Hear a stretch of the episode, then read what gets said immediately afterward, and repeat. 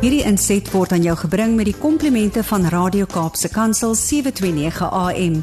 Besoek ons gerus by www.cape pulpit.co.za.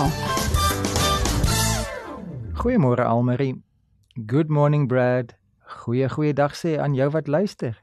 En dit is vir my nou so treffend om te dink dat jy wat luister, daar is sommige van julle wat ek nooit sal leer ken nie want uh, ek ken natuurlik nie naasten by al die luisteraars van Radio Kaapse Kansel nie. Maar van die podcast luisteraars is kennisse, is vriende en is kosbare vriende met wie ek soms al meer as 'n dekade en baie jare 'n naby pad stap. So wat 'n voorreg dat ek met jou mag gesels vandag. Die ander mense mag ook maar luister, maar ek gesels vandag met jou. Uh, ons praat weer oor bome en dis die 75ste keer wat ons oor bome praat.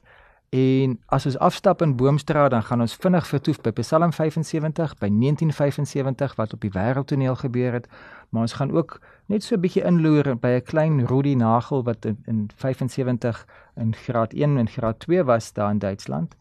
Maar voor ons al die al die dinge doen, kom ons kom ek lê net die fondasie deur te praat oor die tema. Ons ons tema vandag is, my titel is Ek en my klein boontjie. En um, ek is nie gepla met die verklein vorm van boom nie, want 'n vorige gesprek het ek ook gepraat van 'n boontjie en vandag praat ons nou met boontjie vir eensames en uh, ek en my klein boontjie. Nou as mens nou al die P en P pipi nee, nee nee ons kyk ons het klaar gepraat oor potty training. Ons gaan nou nie weer daai kant toe gaan nie. So ons ons praat nie oor pipi nie. Ons praat oor ek en my klein boontjie.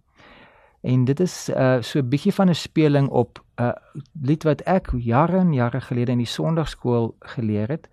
En die helfte van die luisteraars gaan kan saam sing en die ander helfte gaan sê ek het nog nooit dit gehoor nie. Dit klink nie reg. Dit, dit klink nie soos wat ons vandag in die kinderkerk sing nie. Ehm um, maar daar was 'n lied gewees wat eintlik so kosbaar is en wat so mooi herinneringe het en wat so dierbaar en opreg is, maar wat eintlik volgens my nie noodwendig die volle waarheid is nie. Want die lied dit gaan iets soos dit laat ons skyn vir Jesus met 'n helder glans. Da da da da da da da da da da da.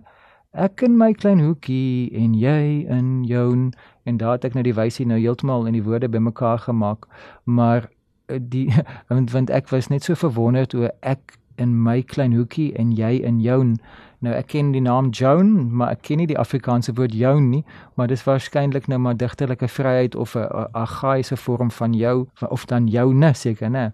Jy en Joan en om, omdat ek nou so wil afkom by die jou nou het ek my my frases en strofes nie heeltemal lekker uitgehaal nie. Maar ek dink as jy die, as die lied vir jou bekend is dan weet jy presies ek praat van ek en my klein hoekie en jy en jou. Maar ek praat nou van ek en my klein boontjie. Want my vraag is is jy 'n klooster kluisenaar of 'n kompromis kunstenaar? 'n Klooster kluisenaar of 'n kompromis kunstenaar? Dis nogal 'n diep vraag. En om daai vraag so bietjie verstaanbaarder te maak, hoe beïnvloed gelowiges hulle wye wêreld sonder om wêrelds te raak? Hoe beïnvloed gelowiges hulle wye wêreld sonder om sogenaamd wêrelds te raak. Nou op pad om daai vraag te bietjie te bedink, kom ons lees Psalm 75. And for the sake of time, I'm only going to read the first couple of verses. Psalm 75, a psalm of Asaph. We give thanks to you, O God. We give thanks, for your name is near. Men tell of your wonderful deeds. You say, I choose the appointed time.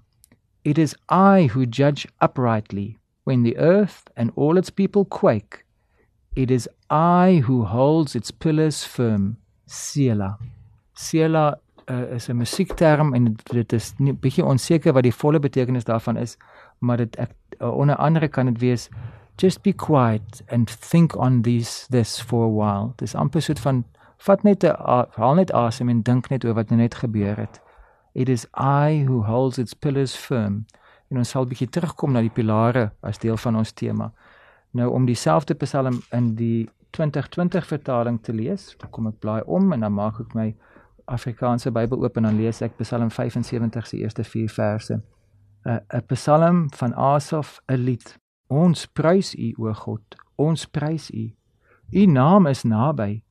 Mense vertel van U wonderwerke. God sê: Wanneer die tyd aanbreek wat ek bepaal het, sal ek self met billikheid oordeel. Die aarde en al sy bewoners kan wankel. Ek self het sy pilare gevestig.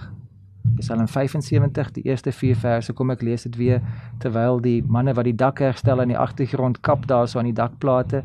Uh ek vra om verskoning, maar ek dink dis 'n lekker ritme om by Bybel te lees. Psalm 75 vers 1. Ons prys U o God, ons prys U. U naam is naby. Mense vertel van U wonderwerke. God sê: Wanneer die tyd aanbreek wat ek bepaal het, sal ek self met billikheid oordeel. Die aarde en al sy bewoners kan wankel. Ek self het sy pilare gevestig. Nou voordat ons praat oor die pilare, kom ons dink net so 'n bietjie wat het in 1975 gebeur in die wêreld. The British Conservative Party chooses its first woman leader, Margaret Thatcher. Dan volgende, the Vietnam War ends as communist forces take Saigon and South Vietnam surrenders unconditionally. The US carries out Vietnam Operation Baby Lift, bringing Vietnamese orphans to the US. Dan volgende, terwyl die dakplate vasgeslaan word hier bo kan in bo kan die die ateljee se se plafon. Sony introduces Betamax. Sony introduces Betamax videotapes. And JVC introduce VHS enige iemand wat so oud soos ek is kan onthou daar was 'n tyd gewees wat as jy by die video shop 'n video wou uitneem moes jy seker maak is dit Betamax of VHS anders sou dit nie speel op jou op jou video recorder nie dit was lank voor DVD's en baie lank voor streaming services Betamax en VHS Betamax was eintlik 'n beter kwaliteit maar VHS het toe later die die industry standard geword dan volgende one of the very first blockbuster films Jaws do, do, do, do, do, do, is released during June. The Suez Canal reopens for the first time since the Six Day War. And then Britain's inflation rate jumps 25%. Ons het nou inflation rates, ek dink in Suid-Afrika het ons op 'n stadium by 8% gedraai. Gelukkig is dit nou besig om af te kom. Ek dink ons is nou by 4.6 of so iets. En selfs in Engeland waar hulle naby aan 10% was nou die dag, is dit nog steeds heel wat minder as in 1975 toe dit 25% gespring het die inflasiekoers. Dit was moeilike tye gewees. Moeilike tye op die wêreldtoneel, maar lekker tye vir 'n klein Rudy Nagel wat in daai jaar toe nou 7 geword het in graad 1 en graad 2 uh, op die laerskool in Stieldorf gedoen het, buitekant uh, Bonn uh, in Duitsland waar met my ouers by die ambassade betrokke was. En my eerste twee skooljaar Uh die eerste skooldag dan het die Duitsers het so 'n tradisie dat jy vat so 'n karton tuit met wat lekker groot is, wys gevul met lekker goed en sjokolades en allerlei lekkernye en ek dink die Duitsers noem dit 'n tute. En dan het jy nou die pyn van die angs van skeiding omdat jy nou die eerste keer weg is by jou ouer huis en op jy nou by die skool is, het jy dan nou verlig met 'n sugar rush en jy het 'n klomp suiker geëet en de, dan het almal nou vrolik gevoel met hierdie groot helder kleurige dis amper soos 'n cone, amper soos 'n roomys kelk, maar net lewensgroot, langer as my arm, is hierdie groot ding vol met lekker goed. So dit is nou nogal 'n interessante manier om die eerste dag van graad 1 te vier. En as ek reg onthou het ons of elke Saterdag of elke tweede Saterdag 'n klompie ure skool gegaan. So ons het nie net 'n 5-dag skooldag gehad nie. Ons het Saterdag ook so 'n bietjie skool gegaan. Geen wonder die Duitsers is so hardwerkend en slim nie. Hulle laat hulle kinders op Saterdag ook skool gaan. Ek weet nie of dit nou nog die geval is nie. Uh in Suid-Afrika as mens leer skryf dan lê jy mooi jou drukletters. Vir redes wat ek nie nou kan onthou nie, het ons begin met kursiewe letters. So toe ek nou in graad 1 en graad 2 leer skryf het, het ek kursief geleer en toe ek toe nou terugkom Suid-Afrika toe aan die begin van standaard 2 toe het ons nou net mooi daar ook met kursief begin. So ek het nooit amptelik geleer drukskrif le lees nie. En dis nou my my amptelike verskoning hoekom my handskrif so bietjie moeilik leesbaar is, want ek het nooit drukletters geleer nie. Dit was 'n ek het ek het dit do it yourself kursus gevolg om drukletters te leer skryf. So ek het eintlik 'n vrees vir public writing, maar ek is besig om dit te oorkom. Uh daar op skool het ek ook geleer daar is so iets soos protestant en katoliek want daar was tye gewees waar die katolieke dan nou sekere vergunnings gekry het en dit was ook die eerste keer wat ek 'n wêreldkaart in die muur gesien het en ek was toe onder die indruk dat dit is nou nie die helfte van die wêreld nie, jy moet die kaart omdraai om die ander helfte te sien. Ek het nie besef dat dit is die hele wêreld nie. Maar in elk geval, soos my vriend sou gesê het, kom ons kom by ek en my klein boontjie. En ek en my klein boontjie is dan nou 'n tema wat ek wil gebruik om te praat oor onder andere Simeon of Stylites. Simeon of Stylites was in Engels genoem 'n ascetic, 'n askeet.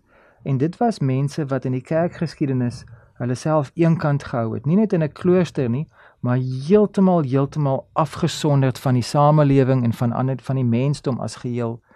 En um, Wikipedia sê Simeon of Stylites uh, who was born on the 2nd of September 459 in the year 459. So dit is dan nou baie baie baie jare gelede.